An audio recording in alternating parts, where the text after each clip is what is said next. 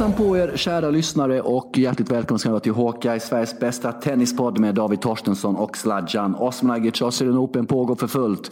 Damfinalen lördag förmiddag, svensk tid spelar Kenin och Muguruza. Herrfinalen söndag blir då Novak Djokovic mot Dominic Thiem. Och David Torstensson, först ska jag vara lite trevlig mot dig och fråga hur du mår idag. Det är fredag, matchen är precis slut. Dominic Thiem intervjuas just nu av John McEnroe på Rod Laver Arena. Så det är då vi spelar in den här podden. Ja, hur jag mår? Jag, nu sa du namnet på den där damspelaren som är i final. Jag, jag, kan liksom inte... Jag kan inte lyssna på det utan att säga att det hade varit mycket roligare om hon hade hetat Kanin. Men det gör hon inte. Hon heter ju då Kenin. Men eh, skitsamma. Nej men jag mår väl bra. Mm. Ja, varför skulle jag inte må bra? Det är en härlig fredag. Äntligen fredag! Ja. Och för dig, du är ju ledig på helgerna Sladjan, så du borde ju vara på strålande humör, eller hur? Absolut. Jag ska berätta en sak om dig, för, om Sofia Kenin, som jag tror du kommer tycka om med henne. Jag antar att du inte har sett henne spela. Men mm. hon är som en liten blandning av Rafa Nadal med de här ticsen han har på banan och lite Andy Murray som han var när han var yngre och, och klagar på sig själv och gapar på sig själv, irriterar på sig själv. Och ett jävla hjärta, stort tennishjärta och riktig fighter. Väldigt, väldigt trevlig. Oj. Eh, ja. Så där har du lite Rafa Andy Murray-grejer light. Och, och eh, ska jag ta och säga vem som vinner damfinalen då? När vi ändå är igång med den här då, eh, Muguruza eller Kenny. Jag hoppas att det blir kanin. Ja, men vi kallar henne Kenny eftersom ja. hon heter Kenny. Och här är det då liksom skulle man kunna säga båda namnen. Båda namnen har förtjänat det. Ken har tagit sig fram till final från den halvan som hade då Serena och Osaka. Hon slog ju Coco Gauff också. Eh, Muguruza rör sig mycket bättre än man gjorde 16-17. Hon tog sina två Grand Slam-titlar och jobbade med Conchita Martinez igen. Som hon hade då. Eh, rör sig mycket mer energisnålt och mycket bättre på banan. Men Kennins figterinstinkt och det fighterhjärtat gör att jag har sett att det blir Sofia Kennin som, som vinner damfinalen på lördag. Och eh, David, det leder mig osökt in på Inför då eh, Australian Open så bad jag dig utse flipp och flopp inför turneringen. Flipp skulle Dennis Shapovalov bli då. Han åkte ut direkt. Mm. Och så sa du då att Dominic Thiem skulle bli flopp och ja, åka ut direkt i första omgången. Nu står han och spelar final på söndag mot Novak Djokovic. Vad har vi för kommentarer på det David? Just det, jag hade ju rätt. Jag, du har aldrig hört talas om tvärtomspråket Sladjan? Jo. Det är något som ja. man använder för att vara lite rolig sådär. Jag skojade helt enkelt till det för eh, ett par veckor sedan. Vad är, vad är problemet? Du, du, du förstår inte ett riktigt bra skämt. Det är vad du försöker säga. Nej. Nu, nu tycker jag du försöker slingra dig David, för att du lät oerhört övertygad när du sa det. Liksom. Eh, och du har ju dissat teams chanser. Nej, det gjorde jag väl inte. Jag lät väl inte övertygad när jag sa det. det var, jag, jag minns ju det här väldigt tydligt. Jag sa att det, var, att det är svårt, sa jag. Men eh, team, det är, det är väl fantastiskt att han är i final. Det var, jag tycker att alltså, det fanns väl lite på fötterna Mm, av det jag tänkte att han skulle kunna floppa. Han var ju inte bra i ATP Cup. Borde passa honom ganska dåligt med snabbt underlag. Sen, ah, man, man kan alltid vrida saker till sin fördel på något sätt. Det är svårt att säga kanske att team har haft en riktigt bra lottning till final när han har behövt slå Nadal. Men alltså Nadal passar honom väldigt, väldigt bra. Fram dit hade han väl inte så här megatufft motstånd och sen Svea över semin idag är väl en ganska bra lottning för. Men hur som helst, skitsamma. Jag kan ju inte slingra mig ur den här sladjan. Jag, jag, jag missade två av två. Du, eh, eh någonting som jag funderat på som jag sett under Australian Open här då. Vi som är lite äldre uppvuxna sådär, på den gamla tiden är vana vid kanske att en tennisspelare eventuellt lägger sig ner på marken när han vunnit en Grand Slam, alltså när finalen är klar. Här tycker vi allt oftare se att spelare lägger sig efter en femsetare i andra, tredje rundan. Kachanov gjorde det efter han slagit Ymer i fem set. Eh, Kyrgios gjorde det efter han slagit Kachanov i fem set. Eh, är det okej okay att lägga sig ner efter en femsetare när det är tredje, andra, fjärde rundan? Eller ska man bara få göra det när man har vunnit en Grand Slam-turnering? Vad, vad känner du där David? Är det något slags regelverk vi håller på att utarbeta? Nej men jag fastnade också lite på på båda dem egentligen, Kyrgios och eh, Kashanov. Särskilt Khachanovs där när han möter någon som är 70 vägen som knappt har spelat på ATP-touren. Han gör liksom en, en stor underprestation om inte annat eh, taktiskt och liksom Nej, jag vet inte. Vad, vad har man för tankar om sig själv när man reagerar på en sån seger som om man har, som du säger, vunnit en slam? Det, det känns inte riktigt som att det utsänder rätt signaler. Sen Kyrgios, där vet vi väl rent allmänt att man inte ska behandla honom riktigt som en vanlig människa. Man vet ju inte vad han... han det kanske var en Grand Slam-vinst för honom att orka kämpa en hel match, vad vet jag. Men Nej, jag vet inte. De har börjat överdriva lite, snorvalparna. Ta det lugnt. Knyt näven och gå och tacka för fan. Det mm. räcker. Det räcker att lyssna på Nikyrios eh, segertal när han vann Washington i somras. skulle man tro att han har vunnit alla fyra Grand Slams och OS i år samtidigt ungefär. Så, så, så, så mycket betyder den ATP 500 för honom. Du, apropå beteende, hur man firar. Väldigt stort rabalder efter Djokovic Federer igår eh, bland Fed-fans världen över på sociala medier att de tyckte Djokovic firade vulgärt. Dels när han vann första set, andra set och efter matchen. Eh, och att Federer slängt lite blickar mot honom. Eh, väldigt många som är upprörda över detta. Jag kan tycka att det är svårt att gå in i en eh, tennisspelares professionella idrottsmans mindset och det tryck och påfrestningar de har. Eh, och eh, mycket, många som tyckte att varför ska han fira så när, när Federer var skadad? Det kan ju inte Novak bry sig om riktigt. Är det någonting du reagerade på när du såg det igår eller har tagit del av David? Det känns ju lite motsägelsefullt här att Kachanov får inte fira som han vill men Djokovic får fira, fira som han vill. Jag vet inte, jag jag, jag såg ingenting som var konstigt på Jag vet inte vad du, vad, vad du har för följlista på Twitter Sladja. Men det, han gjorde väl inget fel eller? Han måste väl få liksom, han, han vände ju ändå första set. Det var säkert skönt att vinna andra set och sen var det väl skönt att vinna matchen. Det verkar ju superkonstigt att tänka att Djokovic inte ska få knyta näven lite grann. Det var ju, han gjorde ju liksom inte Sälen eller Berlin P1 eller något sånt där. Vad jag kunde se så var det ju bara några knutna nävar liksom. Det, det kan jag tycka. Hur elak kan han må vara i folks ögon Novak så tycker jag nog att han, det kan vi nog tillåta faktiskt. Mm. Vi minns ju även Nadal kan ju ibland fira ganska kraftigt när han exempelvis när han tog tredje set mot Kyrgios i Wimbledon i somras. Jag trodde han hade vunnit turneringen där för ett ögonblick nästan. Men eh, ja, vi ska inte gå in och pilla på det. Du, spelarboxens betydelse idag jämfört med för 10 och 20 år sedan. Hur viktig har boxen blivit för spelarna? Är det så viktigt att man kan stoppa in vem som helst bara man har någon i boxen idag? Ja, det känns som att det har blivit en väldigt stor grej. Att man måste ha en massa folk där. Känns det inte det som... Alltså, det normala för en tennisspelare det ska väl vara att ha med sig tränaren och eventuell frugan. Lite som Medvedev gör. Han har ju med sig sin fru och så har han med sig sin tränare.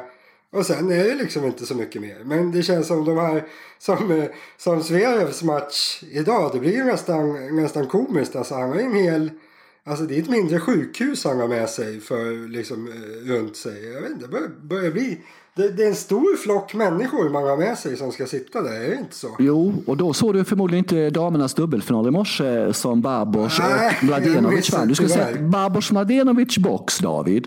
Alltså, det var två på varje plats. Så mycket folk var det där. Tur att de vann. Så det fanns inte plats på läktaren? Alltså, nu, nu kanske jag förhastar mig här, men någonting säger mig att det fanns annars platser på läktarna lediga under den matchen. Var det inte så? Eller var det fullt? Eh, det var ganska tidigt i morse. Och detta leder mig osökt in på om du och jag David skulle spela dubbelfinal i en Grand Slam-turnering. Säg att du och jag skulle spela dubbelfinal i Australian Open och vi vill ha en full box. Du och jag är ju vi, är väldigt, vi kan ju vara väldigt sociala, men vi vill ha, vi har vår integritet, vi vill ha vårt lilla hörn. Vi är lite som tjuren Ferdinand, du och jag. Vi mår utmärkt under vår korkek respektive korkek. Men så fort de sticker oss i rumpan, då jävlar kan vi bli lacka, i alla fall jag. Men eh, vi och säg att den här boxen då är, är, är, tio personer. Vi hade ju haft svårt att fylla den. Tio? Ja, vi hade, vi hade, ja. Vem hade, vem hade velat komma? Vi hade inte kunnat fylla, vi hade fått betala folk utanför och få komma in och sitta i vår box. Ja, skulle vi kunna fylla en tiomans box? Eh, alltså man skulle ju få... Ja, det är om vi bekostar resorna för de som vill komma då. Eh, tror jag. Ja, eventuellt skjuter till något lite extra. Att de får göra någonting annat eh, vid sidan om bara de kommer och besöker oss på matchen. Nej, jag vet inte. Det känns tufft. Och det, jag, jag fastnar vid det här att det känns konstigt att de har så jävla mycket folk med sig de som ska spela tennis nu för tiden. Men, nej, dra ner på det där. Men du, om vi fick välja varsin kändis att ha i vår box, om du och jag spelar en hypotetisk dubbelfinal. Vi, vi, vi kan ju tycka både du och att det är lite löjligt ibland det ska vara kändisar i de här mm. spelarboxarna och så. Mm. Men om vi fick välja varsin, vem skulle vi ta då? Förutsatt vi ponerar att den här kändisen skulle komma då, för han har förmodligen hon ingen aning om vilka vi är. Men vi fantiserar lite. Har, har du något uppslag här? Jag, känner ja, jag, jag funderar just nu och det är väldigt svårt. Det är helt tomt där. Det, det är helt tomt just nu. Ska man ta en skådis? Vi hittar fan inte ens en kändis som vi skulle vilja ha. Vi, vi, nej, det, må, det måste vara att vi inte tycker om människor. Vi, vi skulle förmodligen spela som bäst dessutom om ingen var där, eller hur? Ja. Vi vill inte ha någon som sitter och granskar och sådär. Nej, vi kör tomt. Ja, och dina, dina, du kan ju inte ta tvillingarna för de får inte komma in. De är för små då. De är inte tillräckligt gamla för att sitta i boxen. Det hade ju annars varit väldigt bra. August till exempel, han hade garanterat starkt motståndare. Ja. Men du säger att det finns någon slags regel där, en fyraårsregel? Ja, Eller så här, längdregel, att man måste vara över 1,10 lång för att komma in som det är på Gröna Lund. Nej, Wimbledon är det sex eller sju år tror jag. Därför, Hur fan kollar de det? Får man visa lägg när man ja går in? förmodligen så måste ju barnen också ha kriterier. De ser att Stefan Djokovic, Novaks son, inte är sju år gammal. Därför han komma in på boxen först när då matchbollen är inslagen då, som det varit de två senaste åren exempelvis. Samma med, med Rogers döttrar och eh, söner då. Eh, jag tror att den är mest extrem. Det skulle bli tufft annars. Annars skulle de ha liksom 40-50 platser i boxen. Då. Barnen och barnflickor och grejer skulle... Så det är kanske det som är räddar. Att det bara blir 10 gubbar som sitter där som nu. Mm, apropå, Kanske är bra trots allt apropå box, eh, Goran Ivanisevic, Novak, en av Novak Djokovic, två tränare invald i tennisens Hall of Fame, Newport, USA. Rätt eller fel? Nej men fel! Alltså jag älskar ju Goran. Han- har ju tidernas bästa serveteknik. Han är ju en fantastisk spelare. Och alltså, måste väl, jag, jag såg ju för lite av honom när han spelade. Men han måste väl varit en av de mest sevärda spelarna som har funnits. I alla fall, det känns som det av det jag minns och det jag har sett i efterhand. Men han vann Wimbledon en gång och var världstvåa. Alltså, är alla med i Hall of Fame då, Sladjan? Eller vad är frågan om? Eh, Måste man ha varit världsetta för att vara med i Hall of Fame? Är det där man ska dra gränsen? Nej, men du bör väl ha uträttat någonting. Alltså vinna en Grand Slam. Eh, alltså, eh, du, du brukar... Eh, ja, ska, ska Thomas Johansson komma in i Hall of Fame? För han vann Australian Open en gång. Det, det, nu, nu ska jag inte basha min gode vän Thomas här. Men alltså vad fan. Hall of Fame, det ska väl vara tennisens superhjältar. Det ska väl vara Borg, Djokovic, Federer, Nadal och han eh, Laver som sitter och fikar lite tillsammans i ett eget rum eh, på alla turneringar. Men alltså, nej. Du vill inte ha- bör ha varit bra för att bli invald i Hall of Fame. Du vill inte ha med Wilander, Edberg, eh, Becker, Connors, McEnroe, Lendl, de gu- gubbarna? Sex Nej. Nej. De får sitta och fika själva. Jo, men det vill jag. Men du förstår vad jag menar tror jag. mm, absolut. Att alltså, de som, de som har vunnit liksom multipla Grand Slam-titlar. Alltså, ja absolut. Men som Wawrinka till exempel. Om jag hade, om jag utvecklade någonting som jag kallar för Hall of Fame. Då skulle Wawrinka förmodligen inte komma med. För jag ser honom liksom inte som en tennisens superhjälte. Han har vunnit tre Grand Slam-titlar. Fantastiskt. Men han är liksom ingen sån här som jag vill upphöja till någon eh, enorm eh, hjälte liksom. Lite som jag ser på, ja, men väljer man in Alltså var inte Enqvist och Björkman de här uppe för... Ja, Björkman kom väl kanske in till och med på grund av dubbel. Men Enqvist var väl aktuell på att komma in i, i Hall of Fame. Alltså snälla någon. Han kan inte ens kommentera en tennismatch. Nej. Ja David, du har varit jätteirriterad på kommentatorerna. Jag, det är ju svårt för Ja, mig. men det var dåligt idag Zlatan. Det var dåligt. Absolut, absolut. Jag vill bara säga att i och med att jag bor i ett annat land, i Sverige, så har inte jag de kommentatorerna. Och hur dåliga de än är i Sverige, David, kan de inte vara sämre än de som finns i Serbien? Jesus Kristus. Jag hade kommenterat de här tennismatcherna bättre i sömnen genom bara att hålla käften. Förstår du? Då hade vi förstört mindre. Men, så du får liksom breda ut dig och berätta vad du tycker om eh, prestationerna som de håller på med, kommentatorerna på Eurosport, Eurosport. För vi har ju följt dig på Twitter, vi som följer det där vet ju att du har varit lite sur just idag kanske. Ja, men jag, jag, får, jag, jag tog fram min Twitter här för att ha lite stödanteckningar från vad som har, har sagts under matchen. Det, alltså, det började precis i början på matchen. Eh, det, det är jättesvårt att förklara om man inte tittade själv. Men alltså, om det är så att Zverev servar ju jättebra, eller hur Sladjan? Det vet ju både du och Det är jag. hans styrka. Och han, han, han servade så pass bra att team, han han absolut inte med. Team stod jättenära baslinjen. Försökte returnera Zverevs första servar. Zverev satte varje första serv. Eh, team fick racketen på bollen men han var liksom, han hann inte med att få över bollen. Eh, och då, alltså de klarar inte av att se det där. Utan varför de tyckte att Nej men nu har ju Zverev ett övertag i egen serve. Det går ju ganska bra. Men de förstod, de såg liksom inte att team, han står alldeles för långt fram. Han hinner inte få racketen på bollen överhuvudtaget. I vanliga fall returnerar han jättelångt bak i banan. Men nu hade han någon idé om att han skulle börja långt fram. Men de säger inte ens att om han tar några steg längre bak. Då kan han hinna med att returnera, få bollen i spel och kanske få igång spelet i matchen. Men de sitter liksom och säger någonting annat. Och sen samtidigt också här precis i början på matchen. Då satt de och pratade med. Nej, team har inte riktigt bollträffen idag. Han, har, han, han är inte igång i fötterna riktigt. Och då sitter man och ser att Sverige spelade jätteflackt i början. Han stod och slog till bollen bra, liksom blev högt tempo. Team hann inte med att svinga och missade därför. Alltså, han hade superproblem med, med tempot i spelet i början.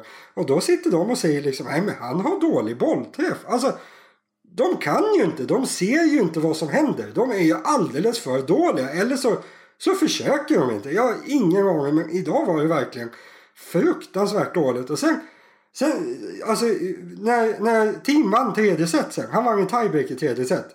Eh, när han hade, han hade lite problem, de mådde eventuellt lite illa och det såg liksom det såg, det såg tufft ut. Då säger hon, det här mest, första var mest Enqvist som sa. Då säger Maria Sandberg. Ja, jag vet inte ännu. Men det här tiebreaket kan ha varit väldigt viktigt. Ja, det kan ha varit väldigt viktigt. Det är liksom.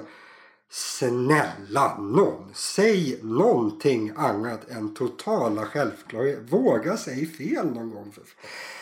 Nej, det var dåligt idag Sladja. Det, det var för dåligt. Man får inte vara så där dålig faktiskt. Det, de, de är säkert jättesnälla och allting sånt. Men de är inte bra på att kommentera tennis. Det, så är det.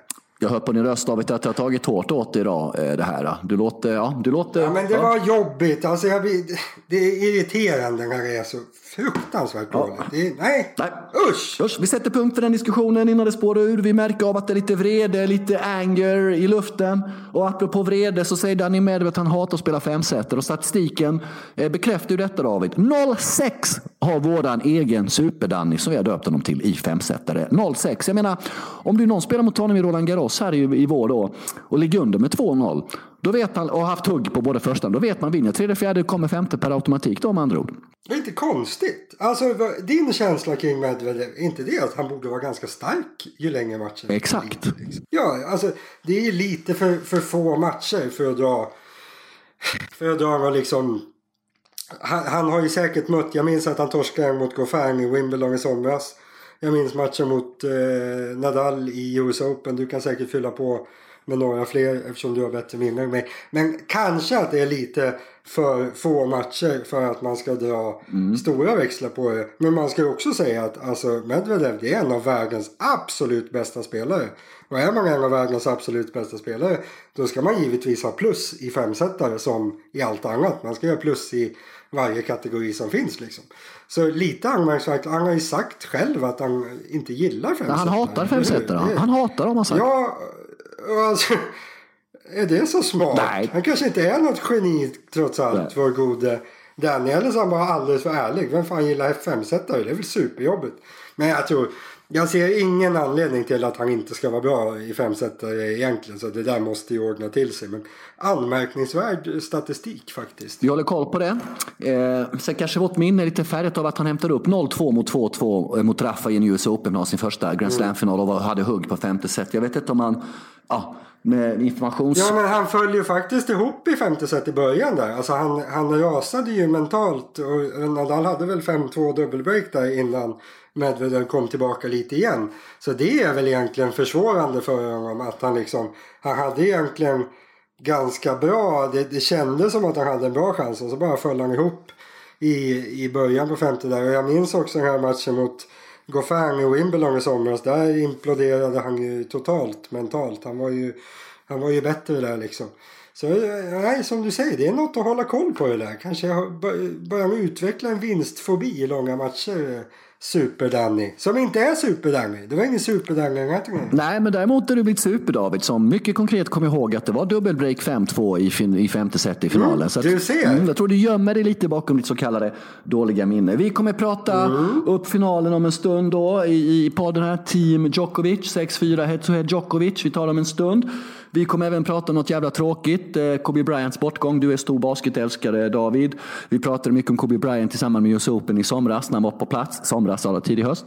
Eh, och eh, vi ska återknyta lite till det. Han hade ett väldigt stort intresse av tennis och var ju mentor, inte bara åt Novak Djokovic utan även åt Naomi Osaka. Och, men först då David, turneringens MVP på herrsidan. Turneringens MVP på herrsidan. Vem har gjort det bäst? Utifrån sina förutsättningar den här turneringen? Vem har liksom överraskat? Vem, vem, är, vem, vem är turneringen? Är det någon du vill liksom ta fram? Nej, men jag har tittat på mycket tennis, Sladjan. Men det är tennis som är bäst. Jag snodde Rogers skämt, visst var det roligt? Ja, fast jag tycker Rogers var lite roligare. I played a lot of tennis Jag but I never... det. I've, I've, vad var nu? I've played a lot of tennis but I never played tennis. Och du tyckte det var fruktansvärt tråkigt. Jag tyckte det var lite kul. Ja, ja. Eh, ja. Nej, men du, tennis du är lite äldre än mig sådär, så du kanske har liksom mindre, mindre krav. Det är lite Hasse och Tage. Så är det. Men allvarligt Nej, talat. men, eh, allvarligt talat David. fantastisk turnering av eh, Sandgren. Alltså, det, det intressanta med Sandgren som man glömmer bort. Det är att alltså, han har ju spelat på ATP-touren nu i... Det här är tredje säsongen han börjar nu egentligen. Han, han gick ju till kvarten i Australian Open för två år sedan. Sen vann han Auckland förra året och nu gick han till kvarten blev det väl. Eh, och eh, alltså på det har han spelat på ATP-touren i två år. Men alltså i, i övrigt, han, han kan ju bara spela bra i januari. I övrigt så är han liksom, han är in, absolut inte AT, ATP-mässig. För han är liksom, han, han är ju hundra i världen inför den här turneringen. Alltså egentligen, hur ska jag säga det? I vanliga fall är han inte bra. Alltså han, han, eh, I vanliga fall är han inte ens i närheten av ATP-nivå i och med att han plockar alla de här poängen i januari och sen vinner han en strömatch som gör att han är topp 100. Men det blir aldrig mer. Trots att han i januari presterar någonting som är liksom indikerar topp 40, topp 30, topp 20 nu till och med kanske. Som han spelar i den här turneringen. Så jag vet inte från vilket håll man ska se det. Ska man se det som att det är fascinerande att han kan vara så här bra fast han i vanliga fall är så dålig? Eller ska man se, se det som fascinerande att han annars kan vara så dålig när han visar att han kan vara så här fantastiskt bra som han verkligen var i den här turneringen? För det är inte som att han det är absolut inte slumpartat hans prestationer i den här turneringen. För man ser ju, han har ju hela, hela balletten liksom. Han, han servar bra, han har en offensiv som är ganska skarp. Han, han kämpar hur mycket som helst. Hans defensiv är tuff, han varierar bra. Alltså, han var ju en otroligt bra spelare. Han var utan tvekan värd att gå till kvarten i den här turneringen. Och det från en spelare som är rankad 100 i världen. Man kan ju säga att alltså ja, det, det, det är inte så många som är hundra i världen som kan spela eh, på det här sättet som Sandgren gör kan jag säga. Så tveklös MVP. Sen den som vinner såklart blir svårt att bortse från den och så vidare. Men nej, det var kul att se Sandgren. Alltså sevärd. Men du David, jag Verkligen. tänkte på det då när han eh, i femte set då när han insåg att slaget var förlorat när Roger fick breaket. Hur han släppte loss, hur han slog på alltså. Han var väl så lagt, vad härligt att se. Om jag ska ta fram en på damsidan då, MVP, så måste jag säga Garbin Muguruza. Eh, sida 30, tappat jättemycket, haft det jättesvårt de senaste åren och kommit tillbaka och tas till final. Slå Halep i semin i två raka och Halep har sett riktigt, riktigt bra ut. Så henne, även om hon har vunnit Grand Slams förut så tycker jag ändå att någonstans så, så får hon bli MVP.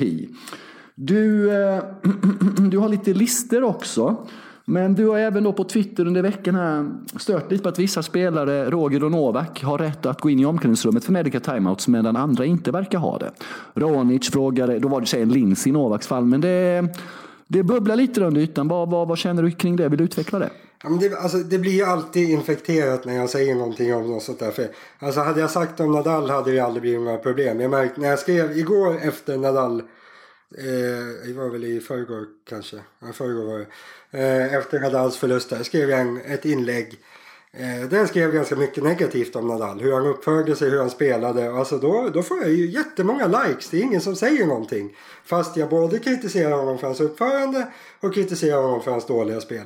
Sen när jag gör någonting liknande som har med Federer att göra, då blir ju folk väldigt arga.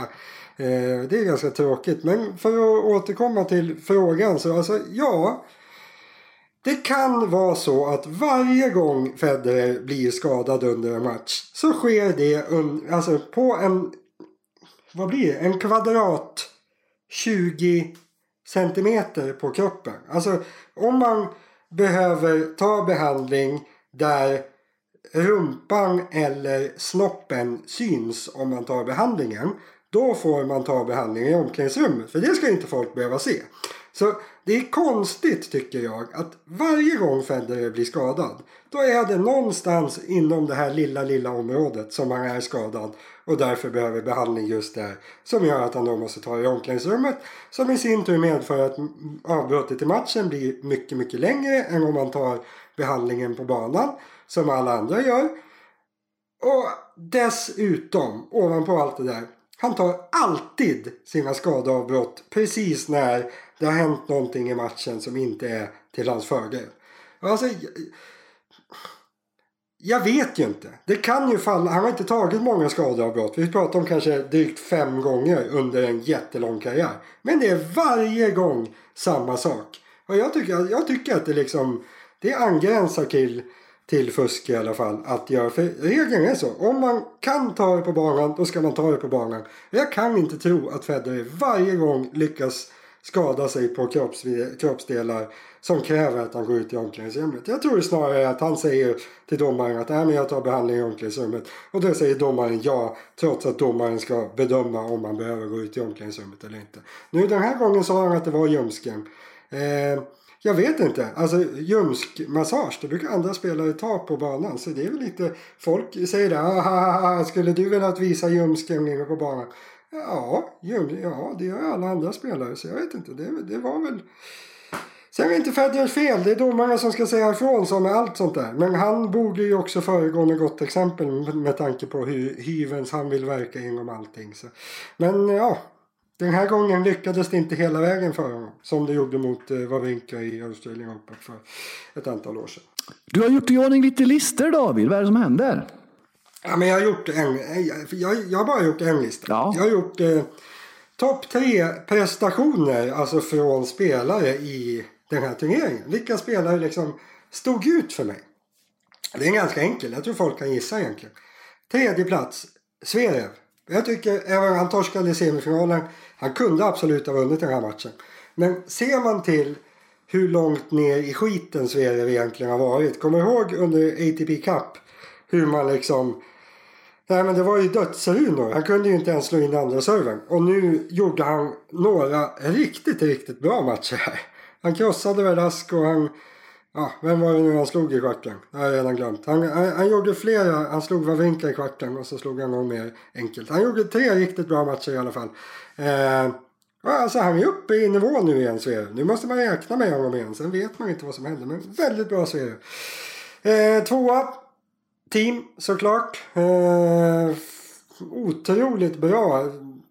Jag är egentligen mer imponerad av att han slog Zverev i min värld helt rättvist idag. Än att han slog Nadal i kvarten. För det passar honom så fantastiskt bra att möta Nadal. Eh, han, han, han, han, börjar liksom automatiskt spela bra av att Nadal bjuder in honom till att spela exakt som han själv vill spela. Hade Nadal alltså tagit lite, lite, lite, lite, lite risk i sin forehand typ någon gång under den matchen så tror jag han hade vunnit. Men idag, alltså han det är ändå team på hardcourt. Då är ju förväntningarna, för mig i alla fall, ganska låga. Men han går in och egentligen, alltså jag ska inte säga full koll, men väldigt bra koll på matchbilden och bra koll på Svev. Trots att det inte, det flöt egentligen aldrig på för honom. Och han, genom hela turneringen också grym i tiebreaking. Han har fått tillbaka det där som han hade förut. Att han, han, man vet nästan att han spelar som bäst i tiebreaking. Så, nej, team är väldigt positivt. Nummer ett såklart Sandgren, men det har jag redan eh, pratat om så det behöver jag inte understryka mer. Det är hårda bud för övrigt Sladjan att han som kommer vinna turneringen, han är inte ens nära min topp tre-lista över prestationer i turneringen. Då har man eh, höga krav, eller hur? Ja, om Dominic Thiem eh, vinner så är han ju tvåa där på din lista. Ja, men det gör han inte. Ja, det återkommer vi till. Det är dags för lite lyssna-mail. Ja, det här är från Kristoffer Lind som skriver följande. Och det är bara versaler och det är stort typsnitt. Jag vet inte vad han vill säga med det. Den här frågan riktigt till dig David. Väldigt långt från den glamorösa Grand Slam-turneringen vi befinner oss i just nu. Hej!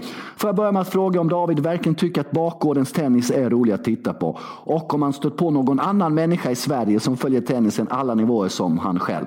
Jag följer mycket sport själv, skriver Krille. Framförallt tennis, hockey, fotboll. Men för den sakens skull är jag inte överhuvudtaget inte intresserad av hur det går för Indiens pojkar 15 i tennis eller vilka styrkor Kazakstans ungdomslag i hockey har. Ja, de är bra på att åka skridskor i Kazakstan. Eh, min nästa fundering är vilken, vilka spelare på touren som är störst behov av ett tränarbyte? Alltså vilka har störst förbättringspotential om de byter tränare? Kan vara både tekniskt, tennistekniskt perspektiv och, och taktisk synvinkel. För övrigt David, är det inte konstigt att man pratar om tennis i en tennispodd? Eller hur? Mm, det ska man väl göra. Nej. Och ja, du, vad, vad säger Det finns något att ta upp här från Krilles fråga. Vem skulle vinna bäst på ett träningsbyte? Vem skulle kunna förbättra? Nej, men nu tar vi kronologisk ordning här. Jag svarar på den första först. Eh, jag tittar ju absolut inte på tennis på alla nivåer. Jag, jag, jag följer ATP-touren och jag följer Challenger-touren. touren tror jag inte att jag skulle titta så här extremt mycket på om det inte var för det jobbmässiga. Jag skickar ju och lägger ut speltips till folk på Kärlingetouren och då, då bygger det lite på att man kan mest av alla om det.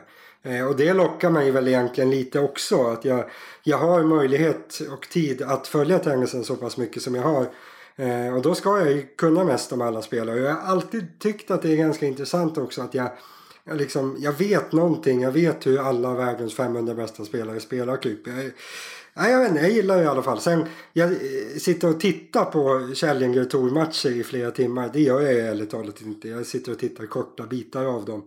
Egentligen ur jobbsynpunkt mest. Eh, så det var väl svar på den första frågan. Och sen den andra. Tränarbyte. Mm. Nej, jag vet alltså ingen i toppen egentligen.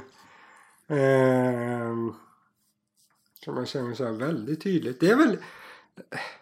Är det Wawrinka som borde sparka Norman? Är det så det Alltså det känns ju som att det har, han har ju varit skadad hit och dit och allt sånt där. Men nu har han ju börjat ta in lite diverse konsulter och det är alltid ett tecken på att det kan eh, vara på väg. Det är väldigt få spelare som liksom, man har en tränare jättelänge, sen börjar man ta in eh, hjälptränare så att säga.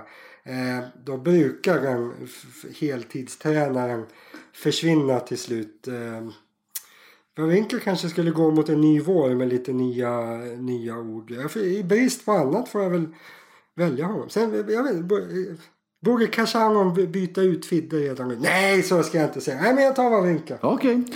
Nästa fråga. Eh, Hej Slajan och David. Är inte tennisspelare lite väl trevliga och artiga mot varandra? Frågetecken. Jag upplever att vi nästan alla segerintervjuer lägger segrar mycket tid på att upphöja sin motståndare. Särskilt då i samband med finalmatch i Grand Slam. Så man ska gratulera his camp for a good success. Och, ja, eh, det var inte vad Joakim skrev för min kommentar. Eh, eh, ja, eh, och dess insats, även när man vunnit sin match överlägset så kan det bli mycket man, eh, man tackar motståndarna. Men desto mindre lägger segraren tid på att upphöja sin egen insats. Det blir nästan lite jantestämpel på det. Håller ni med mig? Frågetecken. Om ni håller med, vad tror ni det beror på? Frågetecken. Hade ni inte varit uppfiskade av segern som låg till stil med jag spelade skitbra, jag kände att jag hade full kontroll, att jag gjorde en helt fel, felfri insats.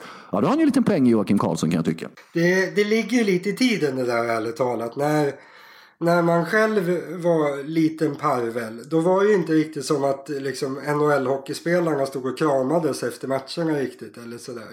Alltså, det var ju lite hårdare förr i tiden känns det som. Nu har det blivit mer och mer det här, egentligen oavsett sport, att alla ska vara kompisar med varandra. Det är det som är lite som normen på något sätt. Eh, sen, så får det väl vara. Det är väl egentligen bra tycker jag. Sen hade det väl varit uppfriskande om de som faktiskt är, inte är kompisar sa det istället för att men, men alltså det är väl ingen egentligen som har någonting att vinna på att berätta vilka de tycker om och tycker inte om. Det kan man, kan man tycka är falskt hit och dit. Men alltså jag, jag förstår det. Däremot det, det här med tacktalen. Det känns ju ärligt talat riktigt, riktigt löjligt. eh, precis det där Ja, det var du som nämnde det här att man ska sitta och, och gratulera hans tränare, moster, farmor och lärare i sexan. Liksom. Nej, det där, det där skulle man faktiskt bara kunna skita i. För det kan inte finnas någon som egentligen lyssnar på det och tror på det. Så, nej, just det, det skulle de kunna steka tycker jag. Jag känner så här, de borde ta in Ricky Gervais, du vet när han delar ut de här Golden Globesen. Mm. Så, han kanske ska hålla tal åt förloraren och vinnaren. Eh, hur går det för? Han är den enda som kan göra så och det händer inget. Han bara skiter i. Han bara kör. Det är liksom inget. Ja, det var inte så att han hade några, några sakfel i det han sa direkt det där. Så att det var ganska. Ja. Nej, men ja. ja. Du, vi går vidare David. Hej grabbar. Nästa mejl från Johan Simonsson. Äntligen onsdag och man kan lyssna till ett nytt avsnitt av, av världens bästa Nej, tennispodd. det är fredag idag. Ja, vi är lite flexibla. Vi kommer återkomma till ja, lite grann så här då. Eh, härligt Johan att du tycker vi är världens bästa tennispodd. Hoppas du lyssnar på fler än oss så att vi har någonting att, bita, att ta på där så att säga. Eh, mitt i Australian Open-yran undrar jag hur topp tre ranking hade sett ut ifall endast underarmserv hade gällt på touren. Hade Schwartzman varit världsetta? Frågetecken. Har det gött Johan Simonsson. Känns som vi har haft eh, det där uppe förut va? Ja. Eh, jag tror fortfarande att Djokovic hade varit världsetta. Eh, jag tror att Schwartzman hade varit där uppe, topp fem. Jag tror faktiskt att Djokovic skulle bolla ut honom med underarmsserv. Vem kan man tänka? Jag tror att Nadal skulle vara riktigt bra fortfarande faktiskt. Han har inte heller mycket till serve att luta sig mot. Så Ja, de där tre får väl göra upp det om det då. Federer nej, Medvedev nej, Team eh, tror jag inte faktiskt. Tsitsipas nej, Zverev nej. Nej, det, det är Schweizman som får ta det enorma hoppet uppåt och uh, utmana Djokovic och Nadal. Jag tror etta Djokovic, jag tror tvåa Nadal, jag tror trea Schweizman. Jag tror att Schweizman skulle vara närmare Nadal än vad Nadal skulle vara Djokovic. Djokovic skulle vara ganska överlägsen och sen skulle de få göra upp om eh, andra platsen kanske. Alright, sista lyssnarmejlet för den här gången från Magnus. Hej där, sjukt bra tennisturnering vi bevittnar. En idé vore att under Grand Slam-tävlingar kör ni poddavsnitt mer frekvent. Låt säga varannan dag. Ska vi säga så med vänlig hälsning Mange? Detta är något vi brottas med David, särskilt då när det är US Open och Australian Open. Då, då.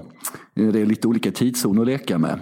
Eh, som ni som lyssnar på oss har förslag hur vi ska göra den när Franska öppna. Eh, om ni vill ha lite mer frekvent så kan vi kanske diskutera det. Det är ju ganska lång tid fram tills dess. Och eh, ja, det kan bli lite rörigt ibland när det är Grand Slam-veckor, David, eh, för oss när det är spel på andra ja, kontinenter framförallt. Det, man ska ju veta det att det, alltså, det tar ju väldigt mycket tid ett sånt här avsnitt faktiskt. Ja. Jag och Sladjan kör ju episka planeringar inför det här för att det ska bli bra. Så skulle vi köra dagliga avsnitt då skulle det nog ärligt talat inte eh, alls var lika bra. Sen eh, får väl jag säga rent egoistiskt också att jag har inte superlite att göra under Grand Slam-turneringarna. Alltså. Men eh, någonting mer vidhåller jag väl också att vi skulle kunna göra. Så vi får väl, eh, han har en poäng och vi borde nog spåna lite på det i alla fall inför eh, franska i sommar. Det är populärt med crowdfunding nu för tiden och Swish och sånt. De kanske ska skicka oss till Roland Garros första veckan så vi kör varje dag från Roland Garros. Swisha dit oss! Ja. Ja. Eller någonting. Varför inte? Det, blir, det får bli mycket swish. Tack för alla lyssnarmail. Eh, fortsätt skicka in dem hkaj David, innan vi går in på Kobe Bryant. Final på söndag. Dominic Thiem mot Novak Djokovic. 4-6 inbördesmöten. Novak Djokovic spelar sin åttonde final i Australian Open. Han kan ta sin åttonde titel. Han har sju. Eh, han blir ny världsetta eh, om han vinner. Då går han ikapp Rafa eftersom Rafa åkte innan semifinalen. Eh, men Dominic Thiem har börjat komma in ganska mycket Djokovic huvud som vi ser head to head statistiken. Eh, och han har, ja, eh, du verkar tycka att det är klart redan medan jag vill höja ett varningens finger för Dominic Thiem. Nej men det är klart. Vill du att jag ska utveckla? Jättegärna. Eh, jag tror bara att Thiem kan slå Djokovic när Djokovic är dålig. Uh, han slog honom på, på grus 2017, Roland Garros uh, slog honom på grus 2018 och Monte Carlo. Han var dålig båda gångerna, Djokovic. Uh, grus i somras, det var ju superkonstiga förhållanden mm. där, trivs inte Djokovic med. Slutspelet var Djokovic uh, jättedålig förra året. Mm. Det är teams vinster. Jag, jag hittar ingen vinst där team har slagit Djokovic när Djokovic har varit mer eller mindre bra. Och vet du vad jag tror min gode vän Sladjan Osmanagic? Jag tror att Djokovic är ganska väldigt bra den här veckan. Det är bara det att vi inte har riktigt fått möjligheter att se det. För det är ingen som är tillräckligt bra för att ta, hand, ta, ta, liksom, ta fram det. Men alltså hans nivå när det var skarpt läge i första set mot Federer igår. Jag förstår inte att ingen pratar om det. För han var, han var fruktansvärt bra i de där sista gamen. Federer fortsatte liksom stå och halvchansa och spelade ganska bra. Men Djokovic vann alla game ändå i stort sett. Och alltså, det, var, det, det försvinner lite i allt snack om att Federer var skadad och att de två sista seten var ganska sömniga. Men den där vändningen i första set som, som Djokovic gjorde, han var, han var, jag vet inte om han märkte ens själv hur bra han var där. Ehm, så jag, jag, jag hyser ingen oro överhuvudtaget kring att Djokovic skulle vara dålig. Sen finns det, alltså det finns saker med team som kanske inte passar Djokovic så bra. Men i min värld så skiljer det så enormt mycket mellan dem i eh, spelstyrka. Förutsatt att båda två är i ungefär jämnbra form. Uh, att, nej, jag, jag, ser faktiskt inte att Djokovic ska förlora på söndag. Jag har väldigt, väldigt svårt att se.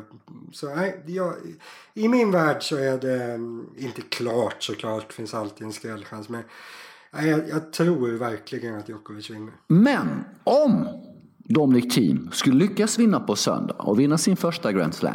Hur stort skulle det vara?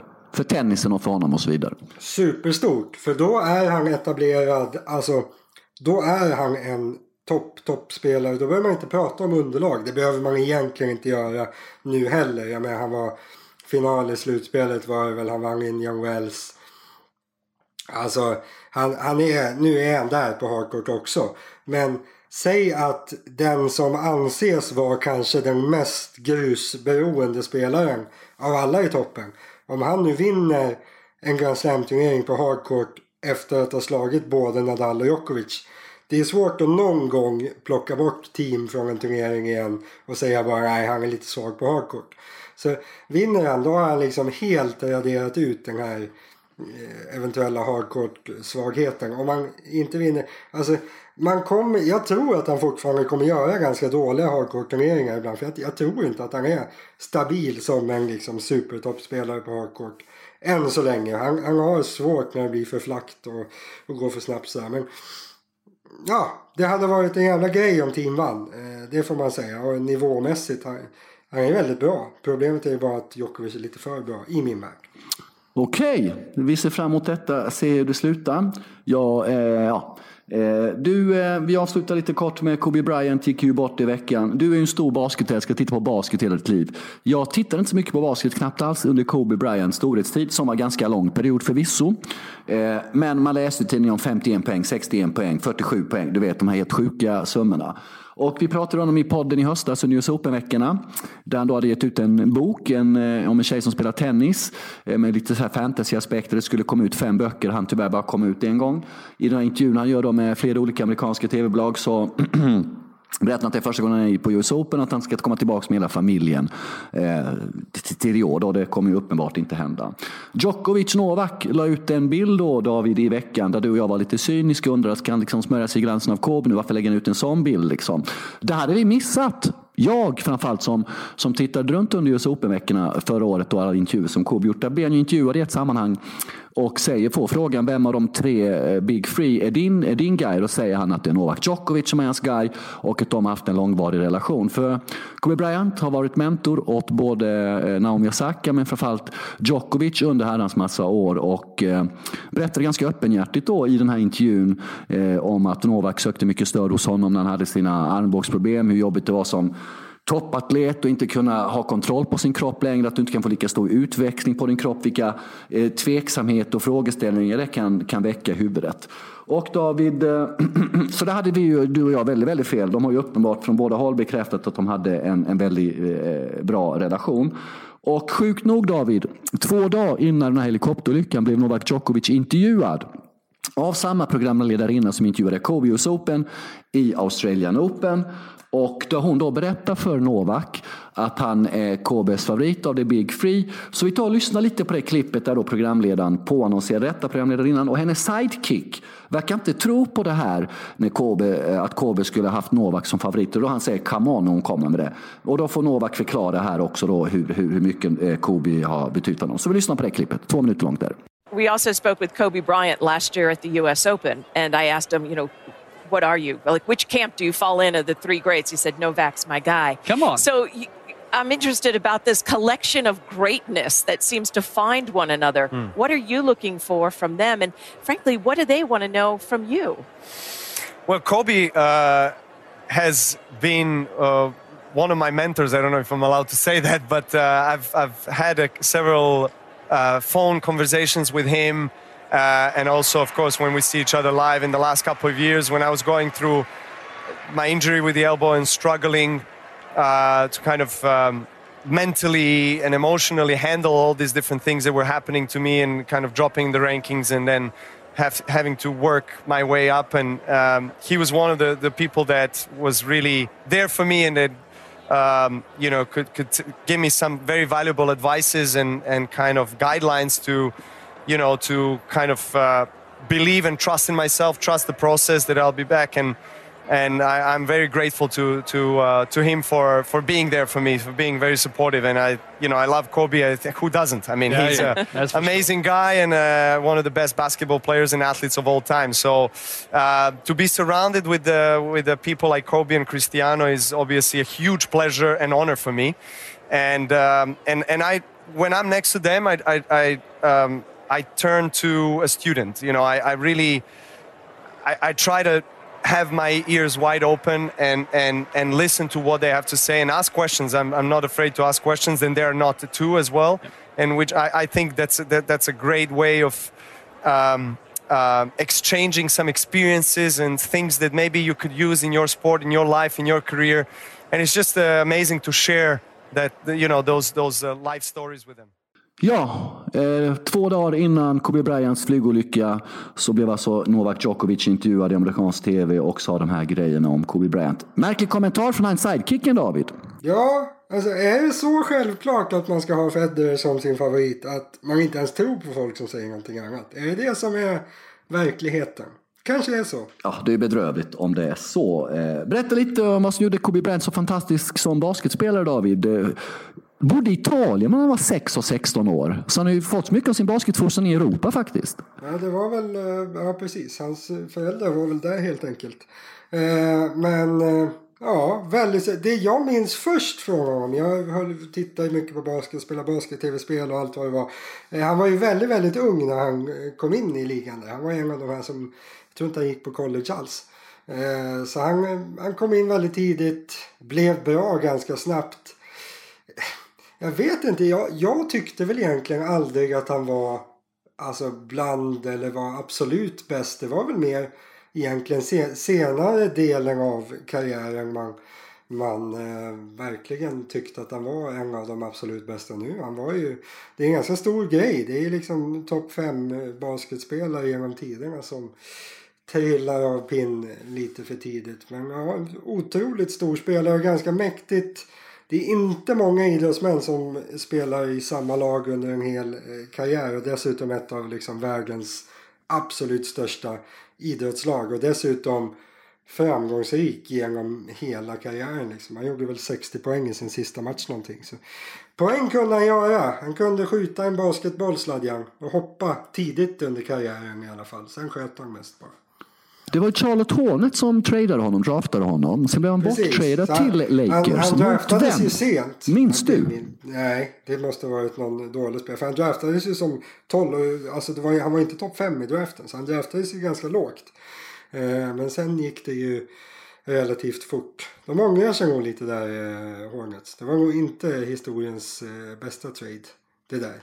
Skulle jag tro. Mm. Men sen minns man ju han, det som man minns mest är såklart han och Shaquille O'Neal under de där åren. De var ju, det laget som de var stommen i, det måste väl vara ett av de, ja, i alla fall ett, tveklöst ett av de bästa basketlagen som har funnits. Och, ja, I större idrottssammanhang också. De var sjukt bra, verkligen.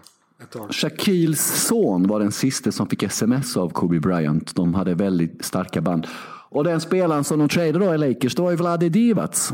Ja, en, en lätt åldrad Vlade Divac. Nej, så gammal ja, 95 var, var han 27 år. Ja, han är väl precis. 68. Så så gammal var han kanske inte. Men Nej, det... det var nog en, det var en okej okay, okay trade kan man säga. Du har väl sett dokumentären Once Brothers om Vlade Divac och Dražen Petrovic va? Det här Nej, 40... Jo men den har jag ju sett. Ja det har jag sett. Mm. Där nämns ju det då. Eh, det här 40 för 40 för den här serien hette. De gjorde massa grymma sportdokumentärer. Väldigt, väldigt sevärd. Du, eh, ja. Vi minns Kobe Bryant som, som en stor tennisälskare och eh, kanske lägger Hur bra hade han blivit i tennis? Hade han blivit topp 10 varje gång i tennis? Den här idiotfrågan som alla ställer om. Hur bra hade Usain Bolt blivit i fotboll? Hur bra hade Kobe Bryant blivit i tennis? Vad som är intressant med Kobe Bryant, den, är, den frågan är extra intressant för han var ju av många ansedd som en extrem individuell idrottare i en lagsport. Mer kanske än till och med Cristiano Ronaldo i ett fotbollssammanhang eller Zlatan i sin tidigare karriär i ett, i ett, i ett, i ett eh, fotbollssammanhang. Eh, och det här är intressant att du att pratat om när jag kollar de här intervjuklippen också att han ofta i omklädningsrummet satt och önskade fan valde jag inte en individuell sport för. Eh, Och fotarbetet han gör med sig från basketen. Han har Danny Medvedev-längd, 1,98 på Kobe. Ja, hur bra hade han blivit i tennis? läste en historia om att han hade tagit alla sina lagkompisars skor, någon sån här Kobe Bryant edition, efter en match. För han tyckte att de var mjuka. Så då efter matchen då tog han deras skor. Ni ska fan inte ha mina skor, ni är mjuka. Nej men det, det som jag tycker är intressant med just den där spåningen kring hur bra hade han blivit. Det kanske inte är i synnerhet Kobe Bryant för han är inte så jäkla lång. Men ja, det, det, går inte att säga hur bra han hade blivit i tennis. Det är svaret. Förmodligen hade han inte blivit särskilt bra för ja, det krävs ganska mycket för att bli bra i tennis och inte automatiskt att han har blivit Men det som är intressant är att om man, om man tänker på basket så finns det ju, alltså i NBA, det finns ju ganska många spelare som är runt 2,10 men som rör sig och är lika snabba, lika spänstiga och så vidare som många tennisspelare som är 1,80. Och tittar man på tennisspelarna som är långa nu som vi har. Det är liksom det är Isner, Karlovic, sådana här. Det är så här stora dinosaurier som klampar omkring på banan och liksom kan serva och försöker röra lite på sig.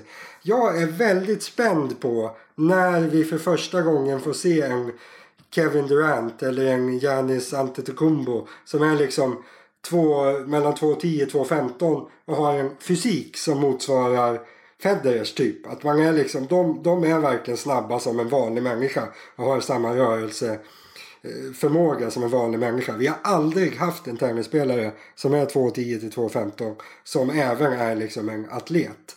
Eh, och svaret på frågan vad som skulle hända då? Ja, jag vet fan inte.